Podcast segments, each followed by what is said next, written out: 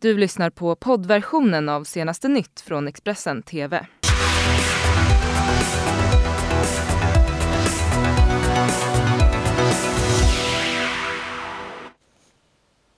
God morgon och välkommen till senaste nytt med mig Karin Bülow och Orje. Det här är morgonens rubriker. Bernie Sanders tar hem segern i primärvalet i viktiga New Hampshire.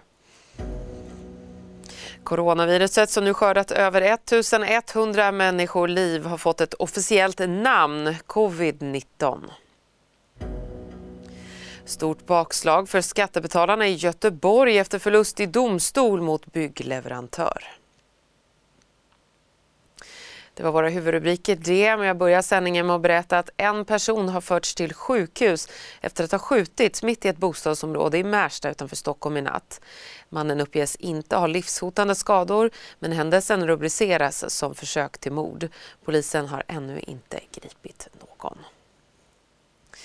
I USA håller ju Demokraterna på att ta fram den kandidat som så småningom ska utmana Donald Trump i höstens presidentval. Nu står det klart att Bernie Sanders vunnit primärvalet i den viktiga delstaten New Hampshire som eh, gick till valurnorna igår. Samtidigt går tidigare favoriterna Joe Biden och Elizabeth Warren mot ett katastrofval.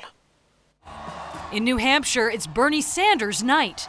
CNN projecting the Vermont senator will come away with a victory in the New Hampshire primary, giving his candidacy another big boost following his strong performance in Iowa last week. This victory here is the beginning of the end for Donald Trump. Trailing Sanders in what was a tight race, former South Bend Mayor Pete Buttigieg, who also had a strong performance in Iowa and now will continue to try to expand his base. Here in a state that goes by the motto live free or die, you made up your own minds. Senator Amy Klobuchar putting together an impressive night in New Hampshire, hoping to keep it all going for the long haul. The people of New Hampshire, because of you, we are taking this campaign to Nevada.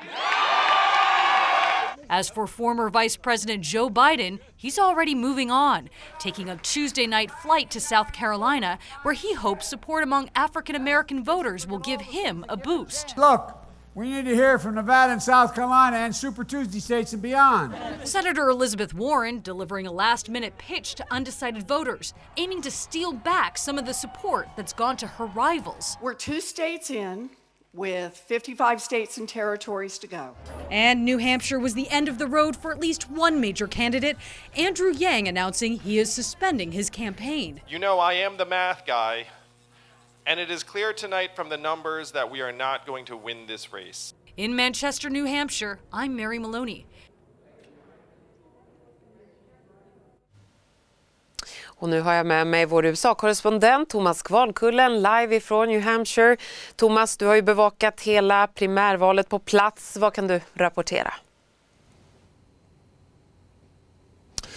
Jag har följt eh, det, den rysare vi har bevittnat här i New Hampshire på Bernie Sanders valvaka under kvällen och det var faktiskt en riktig rysare. Bernie Sanders han eh, gick ut som eh, Eh, som ledare när rösterna ramlade in men gapet mellan Bernie Sanders och Pete Buttigieg det krympte allt mer vilket gjorde att eh, de segersäkra och jublande supportrarna hos Bernie Sanders de blev lite oroliga mot slutet. Eh, men sen när Pete Buttigieg eh, gick ut på sin valvaka och eh, talade till sina supportrar då började man känna att det var på väg att bli klart och att Bernie Sanders skulle stå som segrare i primärvalet i New Hampshire. Och sen kom också senatorn från Vermont ut på scenen och ja, eh, det var minst sagt ett eh, öronbedövande jubel som mötte honom i eh, sporthallen där vi befann oss. Mm. Jag förstår att det var en riktig nagelbitare ända in i slutet där på Bernie Sanders valvaka. Men han var ju ändå en förhandsfavorit eh, i New Hampshire så det var inte helt överraskande att han, att han tog hem det här, eller hur? Nej, det kan man inte påstå att det var. Bernie Sanders han har eh, legat, i, legat i topp i flera opinionsmätningar.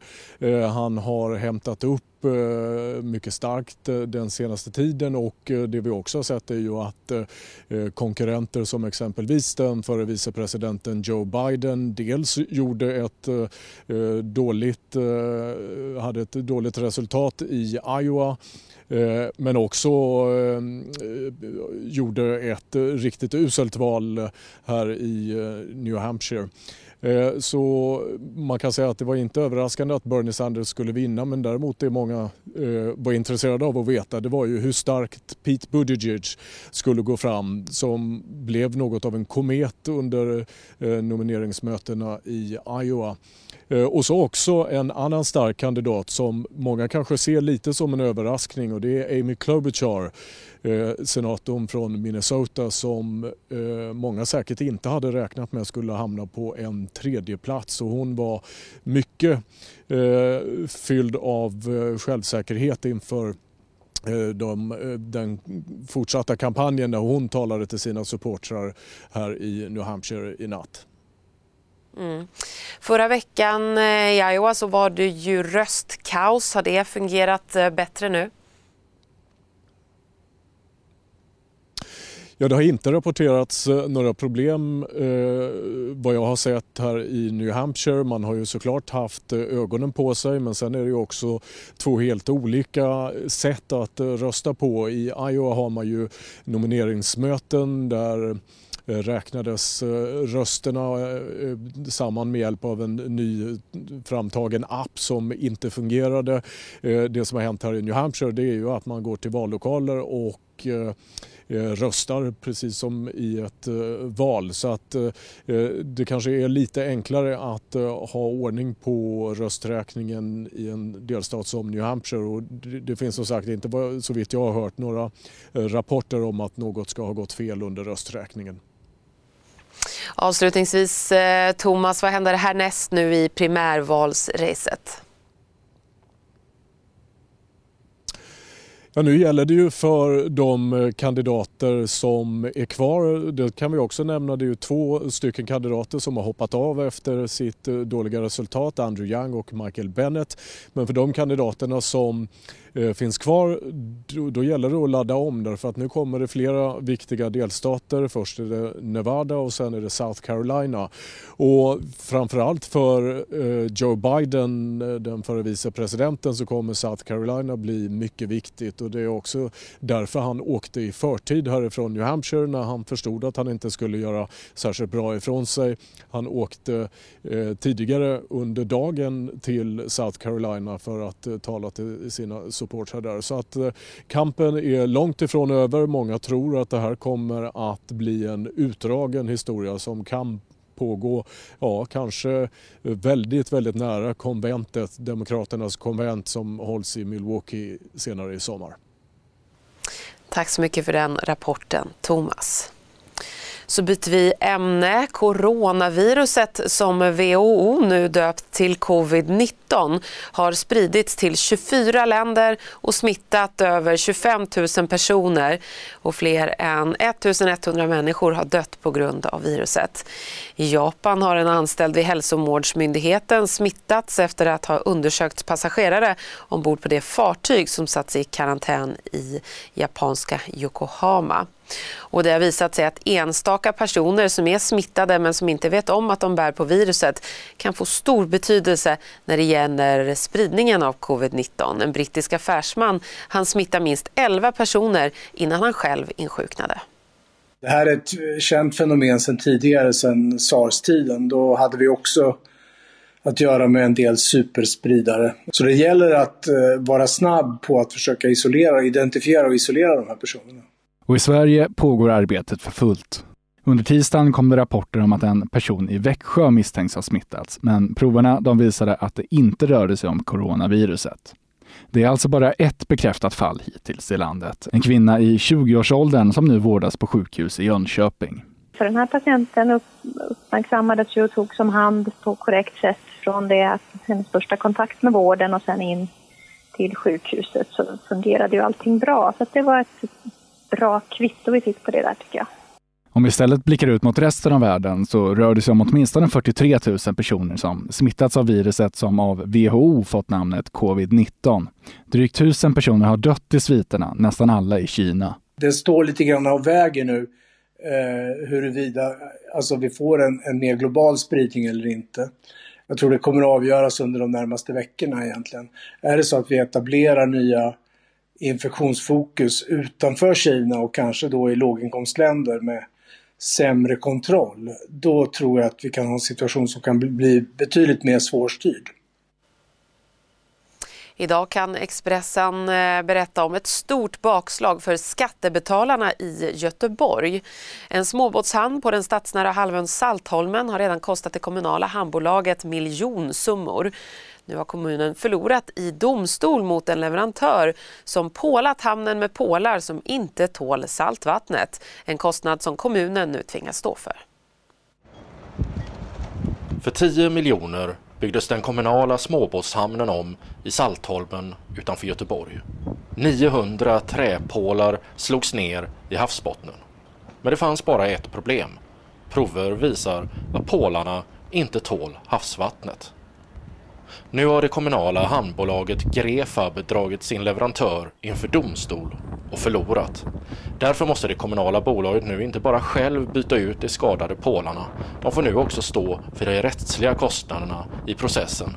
Totalt 5,6 miljoner kronor. Det var 2014 som Grefab upptäckte att flera pålar i den ganska nyligen ombyggda hamnen var kraftigt angripna av den ökända skeppsmasken. Prover från flera håll, bland annat Sveriges tekniska forskningsinstitut, visar att det fanns pålar som inte var impregnerade för att stå emot havsvattnet. Men efter tre och ett halvt års juridiska process förlorar nu Grefab. Enligt en skiljedom går det inte att bevisa att den anlitade leverantören agerat vårdslöst. De konstaterar att eh, det är helt riktigt att vi har fått felleverans. Mm. Och det är ju väldigt skönt mm. på ett sätt. Men det som för mig och för många andra är så oerhört märkligt att eh, del två i det här, eh, där torskar vi. Vi har inte kunnat bevisa att eh, leverantören har förfarit eh, vårdslöst. I domen väljer skiljenämnden att inte ta ställning till om något fel begåtts, men konstaterar att leverantören i vart fall inte agerat vårdslöst. Leverantören tonar i sin tur ner problemet och menar att det bara är ett fåtal pålar som angripits. 41 män har gripits av polis i en stor koordinerad insats mot lägenhetsbordeller i Stockholm. Det rapporterar Sveriges Radio Ekot. Insatsen skedde för ett par veckor sedan mot tre olika adresser i Stockholm, bland annat på Götgatan på Södermalm. Nästan alla av de män som togs under insatsen lagfördes på plats av polis.